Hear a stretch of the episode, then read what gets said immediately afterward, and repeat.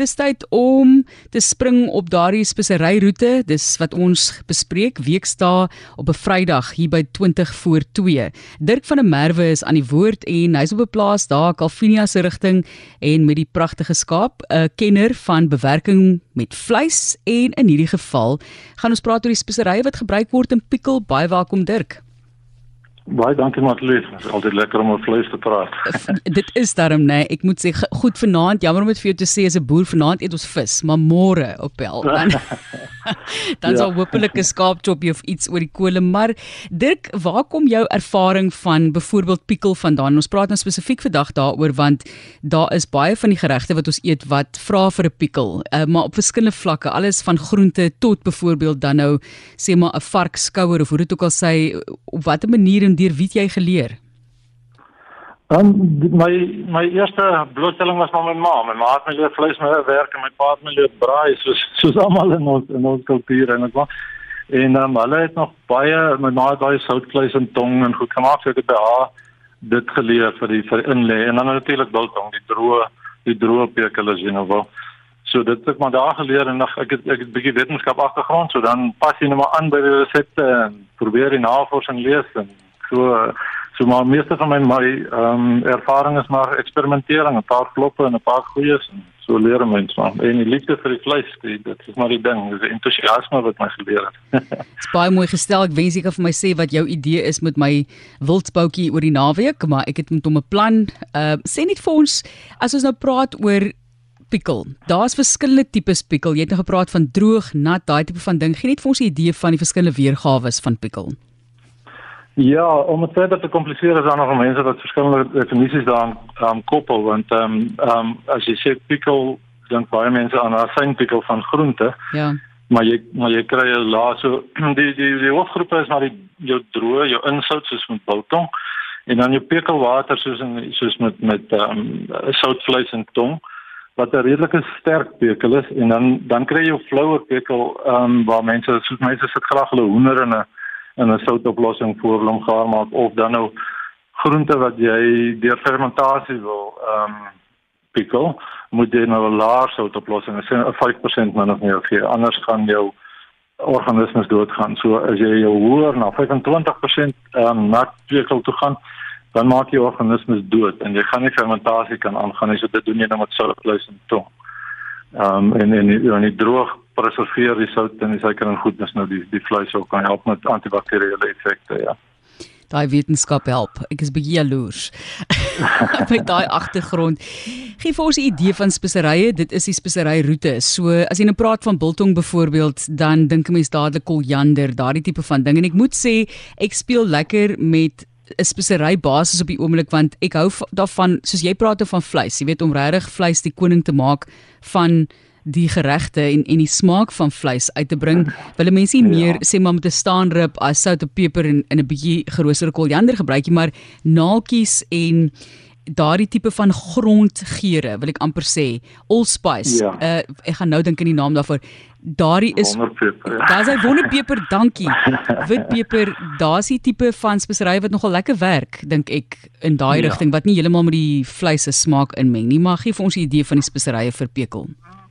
Ja, ek het sê 100% met jou saam. Ehm um, uh, om na Engelse uh, sê dan te vertaal uh, sout, suur, vet, vuur. Dit, dit is my beginsels en jy begin met goeie vleis en uh, sout en 'n bietjie uh, uh, suur bysit dan dan is jy daar. Maar ehm um, die meeste uh, biltong het mos nou koljaner, koljaner werk verskriklik lekker saam met rooi vleis.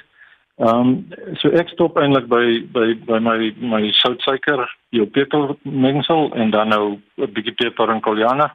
By my wors het ek nakies by. Mense is baie lief. Uh, meeste boereworsresepte het 'n bietjie neutmaskaat by en dan die wonderpeper op momento wat jy van gepraat het.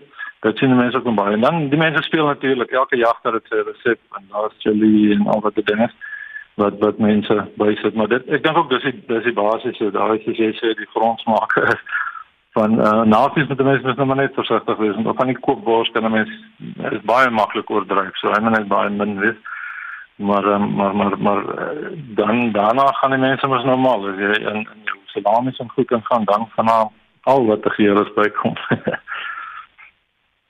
Ons praat oor pikkel, spesifiek die speserye met boer Dirk van der Merwe. Wat pikkel jy tans? Is daar iets wat besig is om te marineer? Ehm um, ek het ek het wel ek het hom nou gister opgeëet. Ek het sout vleis gemaak en 'n en 'n tong en dan nou ehm um, biltong. Ek ehm um, ek is aan eksperimenteer met met biltonge. Ek ek maak baie groter stukke vleis en dan hang ek hom langer soos jy weet soos die Italiaanse hamme. En ek het dieselfde met skaapbout ehm um, al gedoen. Ek ek wag nou vir 'n bietjie koeler weer voor ek weer 'n skaapbout hang dan en dan hang jy hulle nou weet 4 tot 6 maande dan raak hulle heeltemal soos hierdie parma ham en goed.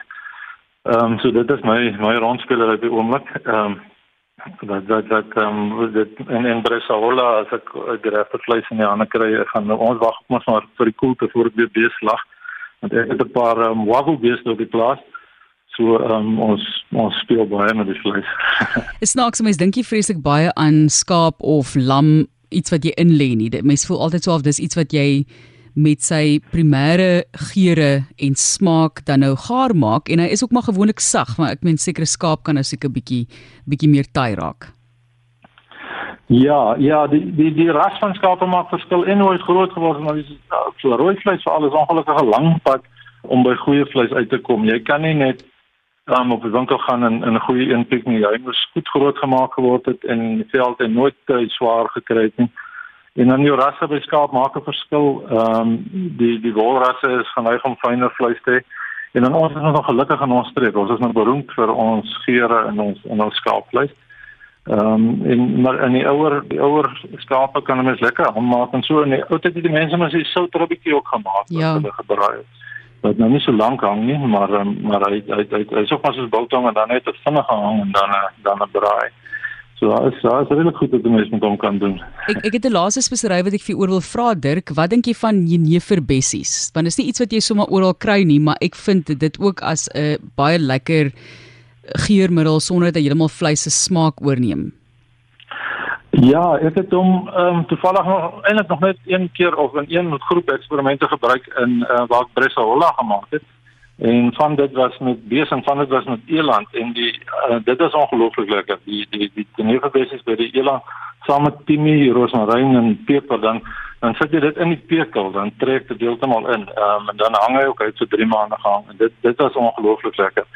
Ek het nou nog dit dit is eintlik die enigste keer wat ek dit nog gebruik het maar ek stem met jou saam. Dit is dit is 'n baie lekker bydra wat hy maak ja Okay, so ek gaan van jou raad volg Dirk en ja, nooi julle so nou en dan mense teen betaling natuurlik om daar te kom kuier en te kyk wat jy doen. Soos Annetjie Rendels hulle doen dit so nou en dan.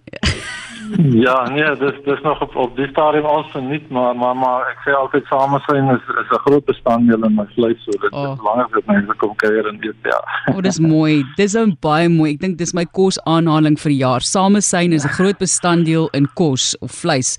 Dirk, ons sê vir jou baie dankie die feit dat jy jou tyd afgestaan het. Ek weet jy's 'n beskeie meneer.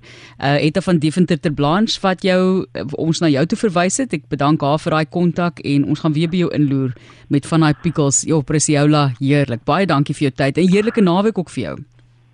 Net te dankie Matlies, dankie dieselfde daai kant. Baie. Jy luister na 360 op RSG.